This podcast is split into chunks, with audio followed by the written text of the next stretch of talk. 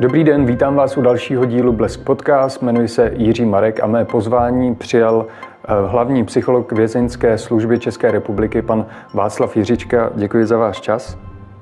Dobrý den, děkuji. Můžu vás poprosit, vysvětlil byste divákům, co je hlavní náplní práce vězeňského psychologa? Vězeňský psycholog se stará jednak o to, aby eh, byly vězněné osoby duševně v pohodě, aby prostě zvládali eh, ten výkon trestu a nedocházelo tam k nějakým mimořádnostem, mimořádným událostem. A pak se také stará o to, aby ti lidé, kteří přišli z vězení, tak eh, aby z toho vězení vyšli v nějakém pro společnost lepším stavu. To znamená, aby už pokud možno neopakovali tu svou trestnou činnost na svobodě. Možná bych mohl navázat tím, že Eh, se samozřejmě liší eh, ta práce podle toho, jestli ten psycholog pracuje s obviněnými. Eh, tam je velký důraz na takovou tu kvizovou intervenci, protože si dovedete představit, když někdo přijde nově do výkonu vazby, kde nikdy předtím nebyl, kde je sám celý den na jedné malé celé, nebo tedy třeba s dalšími spoluobviněnými, které nezná a chodí pouze na vycházky, tak to je velmi, velmi zátěžová situace. Pak v tom výkonu trestu, tak tam už se ta struktura těch psychologických činností maličko proměňuje, protože tam je právě kladen velký důraz na, na to, aby ti lidé si uvědomili, proč se vlastně ocitli ve vězení, co dělali špatně a jak ten svůj životní styl v podstatě musí, ne mohou, ale musí změnit, aby, aby potom už to své chování neopakovali a neocitli se v tom vězení znovu. No a pak je tam ještě jedna kategorie, Eh, které se říká Ústav pro výkon zabezpečovací detence. A to jsou lidé, kteří obvykle mají nějakou psychiatrickou diagnózu a velmi špatnou prognózu. Bývají také často, ale ne, ne nutně eh, nebezpeční pro společnost. A eh, tak tam je ta práce, myslím, obzvláště obtížná, protože tam ten psycholog má stále stejné klienty po mnoho let, až jsou to obvykle chovanci, klienti, Eh, jejich prognóza je buď eh, poměrně problematická, a, eh, nebo kteří skutečně jsou velmi málo motivováni vůbec k tomu, aby, aby něco na svém chování změnili. Mm-hmm. Kolik je aktuálně v Česku vězeňských psychologů? Vězeňských psychologů je asi 140. Mm-hmm. A stačí to podle vás na to množství vězňů, kteří jsou aktuálně ve věznicích? No, ona se nabízí otázka, že nestačí. Vždycky, když se někoho zeptáte, tak on poví, že to je málo, ale uh, ono to záleží spíš na tom, co vlastně tedy jako společnost chceme, nebo co společnost chce, aby ti psychologové s těmi vězni dělali. Uh, pokud by společnosti stačilo, aby ti vězni strávili ten výkon vazby nebo výkon trestu nějak kompenzovaný, uh, tak si myslím, že to je dostatečný počet.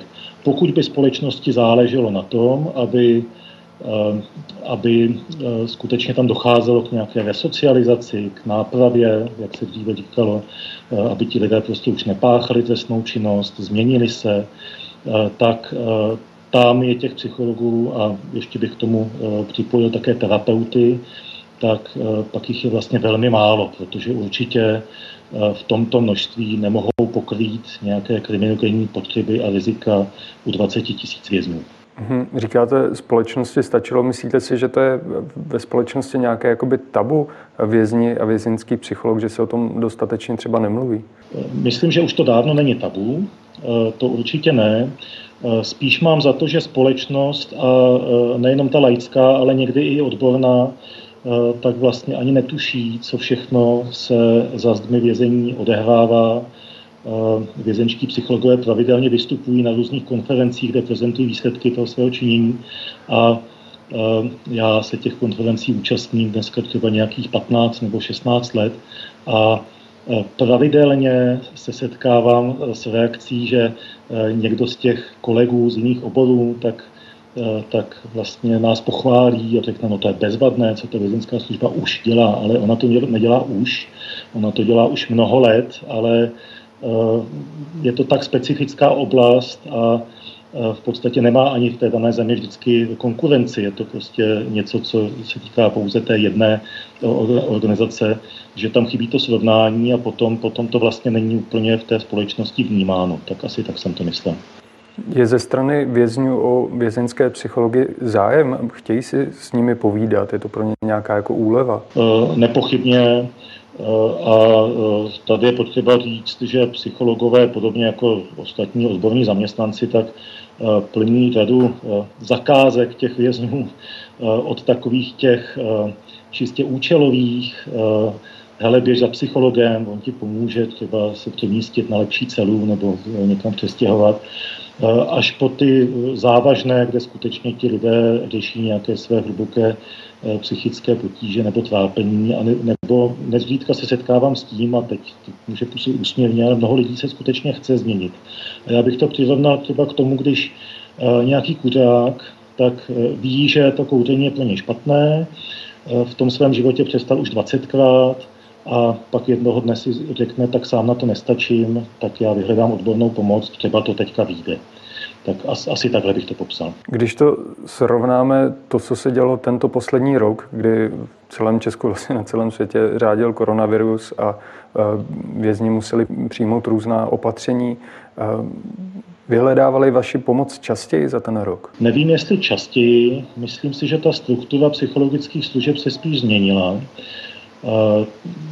Pandemie, respektive opatření, ta protikoronavirová opatření, tak vedla k eh, určitým omezením, restrikcím a mimo jiné eh, dopadla ne celoplošně, ale vždycky podle té dané aktuální situace, ale dopadla na to, čemu my říkáme skupinové zacházení nebo skupinové psychoterapie, skupinové programy. A to jsou vlastně programy, které my považujeme za takovou výkladní skříň, které pomáhají těm vězňům snižovat ta kriminogenní rizika, teď jsem mluvil takovým tím naším jazykem, vlastně to znamená, že jim pomáhají eh, zbavovat se eh, toho nutkání páchat dál trestnou činnost. A eh, tyto věci prostě fungují zdaleka nejlépe ve skupině a ta opatření právě vedla k tomu, že ty skupiny byly omezeny. Takže eh, ti psychologové eh, možná o něco méně poskytovali eh, ty skupinové služby, ale ty pak byly nahrazovány třeba nějakými individuálními pohovory, které pak měly jiný cíl, neměly za cíl snížení rizika opakování trestné činnosti, ale měly právě za cíl třeba snižování té tenze, té úzkosti z té situace a podobně. Mhm. Myslíte si, že tím, že vám to nabouralo tenhle ten program, tak to bude mít vliv, eh, já nechci říkat převýchovu, ale eh, jakoby tu hmm. změnu toho chování těch vězňů. Hmm. Jo, ale to je, to je pěkný, že jste, že jste nepoužil to slovo převýchova, ono jednak je to tak trochu uh, uh, politicky zprofanováno to hmm. slovo, když se mu dá rozumět samozřejmě i tak, ale uh, taky vlastně vycházíme z toho, že ti lidé sami mají možnost se nějak změnit a my je tedy nějak násilně nepřeměňujeme, neměníme jejich osobnosti, ale, ale na druhou stranu eh, je vedeme k tomu, aby, aby změnili to své chování. K té vaší otázce jako takové, eh, eh, já jsem hodně ve spojení se svými kolegy, protože vlastně metodicky vedu ostatní vězenské psychologii, takže tak je i mou povinností sledovat, co se ve věznicích děje. A Eh, vím, že to úsilí, které oni té své práci věnují, tak je nezměrné. Určitě je to mnohem náročnější než, než dříve, takže by asi nebylo fér říci, že teď ty služby nějak vypadly a kvůli tomu se třeba zvýší recidiva. To si ani nemyslím. Ale změnilo se to, ty přístupy se změnily, dokonce i některé programy tak proběhly online, což jsme si dříve mysleli, že by asi úplně nefungovalo, ale ale máme tedy reference, že eh, ty programy vlastně proběhly docela úspěšně, tak uvidíme. Takže k nějakému omezení tam došlo, ale myslím, že to bylo eh, alespoň z velké míry nějakým způsobem kompenzováno. Mhm. Když se podíváme na tu praxi běžného psychologa, eh, tak jak vypadá jeho normální den? On musí mít poměrně hodně práce, protože těch vězňů je hodně. Navíc tím, že jsme mluvili o tom, že jich není tolik, tak asi je poměrně dost vytížen. Tak jak to jako probíhá v běžném pracovním dnu? Hmm. To se zase asi hodně liší, kde ten psycholog pracuje. Když bychom vzali uh, vazební věznici, kde jsou přijímáni obvinění, tak už jen to přijímání obviněného tak je nějaký úkon, který se děje bohužel neplánovaně, protože se může stát, že policisté eh, přivezou obviněného do věznice a je potřeba s ním udělat eh, v co nejkratší možné době eh, některé úkony, včetně takového vstupního psychologického pohovoru, kde se zjišťují rizika sebevražedného jednání, rizika abstinenčních příznaků, jestli ten člověk je agresivní, jestli není nebezpečný sobě nebo jiný a podobně. A to zabere nějaký čas a ten psycholog si to vlastně nemůže úplně naplánovat, protože protože neovlivní to, v jakou dobu ten, eh, ten obviněný přijede nebo je, je, tam, je tam přivežen. Potom má na stole eh, takový, nebo v počítači dneska, tak má eh, takový balíček žádanek, kde tedy vyřizuje právě ty potřeby a žádosti obviněných Eh, to znamená, chodí za nimi, bere si je do své pracovny, eh, mluví s nimi. No a eh, pak řeší mnoho věcí, které, které souvisí nějak s tím chodem toho, to, té vazby, toho oddělení, posuzuje různá rizika, doporučuje někoho k nějakým intervencím a podobně. A to si myslím, že je velmi náročné, protože to je intenzivní a setkává se tam velmi často s rizikovým chováním. Ale o nic méně náročné to asi není potom v tom výkonu, výkonu trestu odnětí svobody. To jsou ti již odsouzení, ti méně často řeší takové ty tenze, úzkosti, e, méně často se tam taky objevuje e, takový ten sklon k sebevražednému chování nebo třeba i k nějakému demonstrativnímu, manipulativnímu chování ale o to větší důraz je tam právě kladen na to systematické zacházení eh, ve smyslu snižování pravděpodobnosti eh, opakování trestného činu nebo snižování rizika recidivy. A eh, to se dá lépe naplánovat, ale Eh, je to, je to poměrně intenzivní a náročná činnost. Takže ten takový psycholog tak eh, jednak posuzuje spoustu dalších rizik, na to, na to jsou takové dané postupy a nástroje, ale pak taky vstupuje přímo do rozhovorů a intervencí, ať individuálně, anebo právě eh, ve skupinách. A to, když sedíte a máte kolem sebe 10 nebo 12 násilníků, takových jako opravdu echtovních, a řešíte s nimi nějaké problémy, které často vedou k nějaké eskalaci, kde tam prostě lidi, lidé vybuchují a rozčilují se a ukazují, podívejte v televizi, jak oni se chovají a my tady nemůžeme a tak. A myslí tím třeba nějaké politiky a podobné vzory. Tak, tak to je potom náročné. Takže každá ta práce má nějaká svoje specifika. A nechtěl bych zapomenout ještě na to, že psychologové jsou pak také uh, zodpovědní za výběr personálu, takže posuzují uchazeče k vězenské službě a uh, i se věnují péči o personál, tak to je ještě taková další oblast. Hmm, tak to mají poměrně hodně. A ještě obzvlášť teď, když tu situaci uh, komplikují ty protiepidemická opatření. Uh, pro vězně se to zkomplikovalo ještě dalším. Oni eh, ku příkladu teď nemohou pracovat. Jak moc se to podepsalo na jejich duševní zdraví? Mluví o tom? To si myslím, že je velmi významné eh, a velmi nešťastné. Eh, ono všeobecně se často předpokládá, že vězni nechtějí pracovat nebo že jsou rádi, že tam mohou někde ležet na kavalci. Ono, ono zas tolik toho času ležení na kavalci není.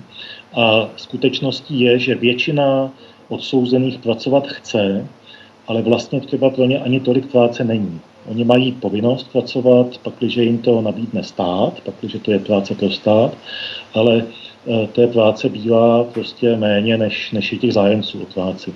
A I tak, tak historicky máme, myslím, teď eh, nejvíce zaměstnaných vězňů za posledních mnoho a mnoho let. A, takže to, že se eh, zavřely některé provozy společností, které spolupracovaly s vězenskou službou, protože řada vězňů nepracuje pouze v rámci věznice, ale vyjížděla pravidelně i za zdi věznice do běžných provozů, továrních provozů v automobilovém nebo potravinářském průmyslu třeba, tak eh, to, eh, to má dopady velmi významné. A když jste se ptal na ty psychické dopady, no tak oni souvisí i s, těmi, s tou praktickou stránkou. Jestliže nechodíte do práce, vyděláte si méně peněz. Eh, ne, ne, nemůžete tak eh, splácet eh, nejenom ten výkon trestu, ale nemůžete si dávat něco stranou, nemůžete podporovat rodinu. Takže to je, to je velmi komplikované. No a to všechno potom samozřejmě vede i k takovému nějakému psychickému útlumu nebo rozladění. A týká se to samozřejmě i práce ve věznici, nejenom, nejenom těch externích pracovišť. Mm-hmm. Stýkají si teďka vězni mezi sebou? No to je taková obecná otázka, tak eh, vězni v České republice eh, většinou jsou ubytováni v nějakých celách, eh, které nejsou po jednom, ale po více lidech. Někde jsou ty ložnice třeba pro deset lidí i. Takže v tomto smyslu ano, ale je pravda, že takovéto takové ty aktivity, které předpokládaly, že se z různých oddělení, z různých oddílů scházejí lidé v jedné místnosti, třeba k nějaké terapii nebo ke sportu, eh, tak eh, to je silně omezeno. Z pravidla se to tedy vymýšlí a organizuje tak, aby lidé, kteří spolu bydlí, tak aby, tedy se, aby se účastnili i těch aktivit, aby tam nedocházelo k míchání různých skupin a neusnadňovalo to potenciální přenos toho, toho. Eh, no ale v některých případech to třeba není tak snadné udělat eh, a eh, tak pak je to obtížnější a někdy dochází skutečně k omezení. Vy jste říkal, že ta psychická stránka těch vězňů, je to zasáhne tím způsobem, že jsou nějací klidnější, usedlejší, rozrušení. Dochází k tomu, že, že třeba jsou agresivní nebo mají větší sklon k nějaké jakoby sebevratě? Určitě stejně jako v obecné populaci, tak k takovýmhle jevům dochází. Teď to povím možná zvláštně, ale výhodou toho vězeňského prostředí je, že tam ti odborníci už jsou. Možná by jich mohlo být více, ale jsou tam. Takže zatímco v tom běžném životě, tak e, člověk, kterému, e, který nemůže chodit do práce, zůstane sám doma, nemá kolem sebe blízké lidi, tak tomu vlastně nezbývá, než si sám aktivně vyhledat nějakou intervenci nebo pomoc, nebo někam dojít, nebo po internetu tak eh, v tom vězení, tak si ho spíše někdo všimne, tak tam je větší naděje na, eh, na to, tedy, že, že takovýto eh, člověk by byl včas zachycen. Ale ano, určitě lidé jsou ve větší tenzi. Ta tenze sebou nese u některých jedinců, zvláště u těch impulzivních nebo u lidí s poruchou osobnosti, tak, tak sebou nese i takovou tu větší pohotovost k tomu agresivnímu jednání. Psychologové vědí vlastně už od jara a na podzim znovu, že že je potřeba teď eh, o to více trpělivěji vysvětlovat, co se děje, jaká opatření budou, proč to tak je, eh, aby tam byla zachována komunikace, protože asi nejhorší, co by se mohlo stát, eh, tak by bylo nekomunikovat a mhm. nechávat rozvíjet různé fantazie, představy a ty by potom mohly být nebezpečné. Vy jste mluvil o těch fantazích a dezinformacích, to je vlastně případ Bělušic, o kterých já teda konkrétně mluvit nechci, ale bavil bych se o tom, eh, jak se vlastně může vyvolat vězeňská spoura, jestli vy třeba vy osobně jste se s tím setkal už dříve.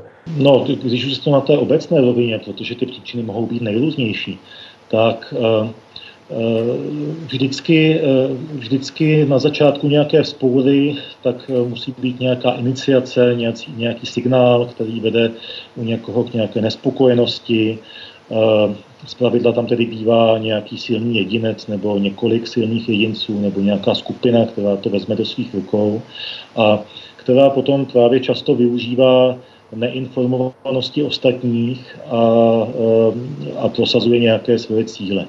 Tak takhle, takhle bych to asi popsal, bez ohledu na to, jestli zrovna takováhle situace může nastat kvůli nějakým politickým důvodům, nebo kvůli pandemii, nebo kvůli nějakým jiným. A myslíte si, že ve vězení je to snažší takhle jakoby manipulovat, poněvadž tam hmm. není jakoby ten dostatek informací, nebo alespoň tak já si to představuji? No, to je, to je hrozně zajímavá otázka, protože na jednu stranu věznice jsou plné uh, lidí, kteří, jak už jsem říkal, kteří vlastně Eh, mají diagnostikovánu tu poruchu osobnosti, která je spojena mimo jiné, mimo mnohé jiné vlastnosti, i s jakousi tendencí k manipulaci ostatními. Eh, takže eh, to by vlastně nabízelo tu úvahu, že, že, že to tam může být snažší.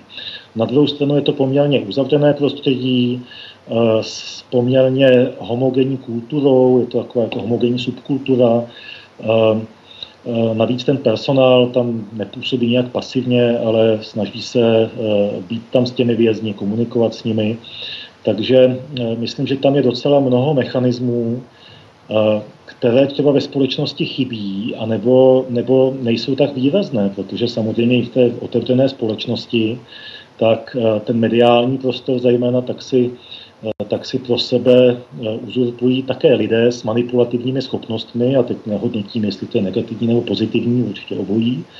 A, no a ti potom mají vliv na obyvatele, občany státu, států, a možná, že ten vliv může být daleko větší než někde ve věznici. Takže je to taková asi otázka k diskusi širší než, než eh, je rámec tohohle rozhovoru. Co se týče nějaké jakoby, praxe, tak eh, psychologové dozvěděli se nějaké informace o tom, že se něco třeba chystá nebo nějaké jakoby nejistoty fungují taky jako nějací, mm, jak bych to řekl, jako rozšiřují nějakou osvětu také o koronaviru a různých jako opatření? Já tady musím říct, že eh, nejenom vězenští psychologové, ale vlastně eh, psychologové bezpečnostních sborů, tak se snaží eh, být v nějakém půlu názorů, nebo, nebo to jsem asi podělal špatně, spíše sledovat informace a vyměňovat si je vzájemně.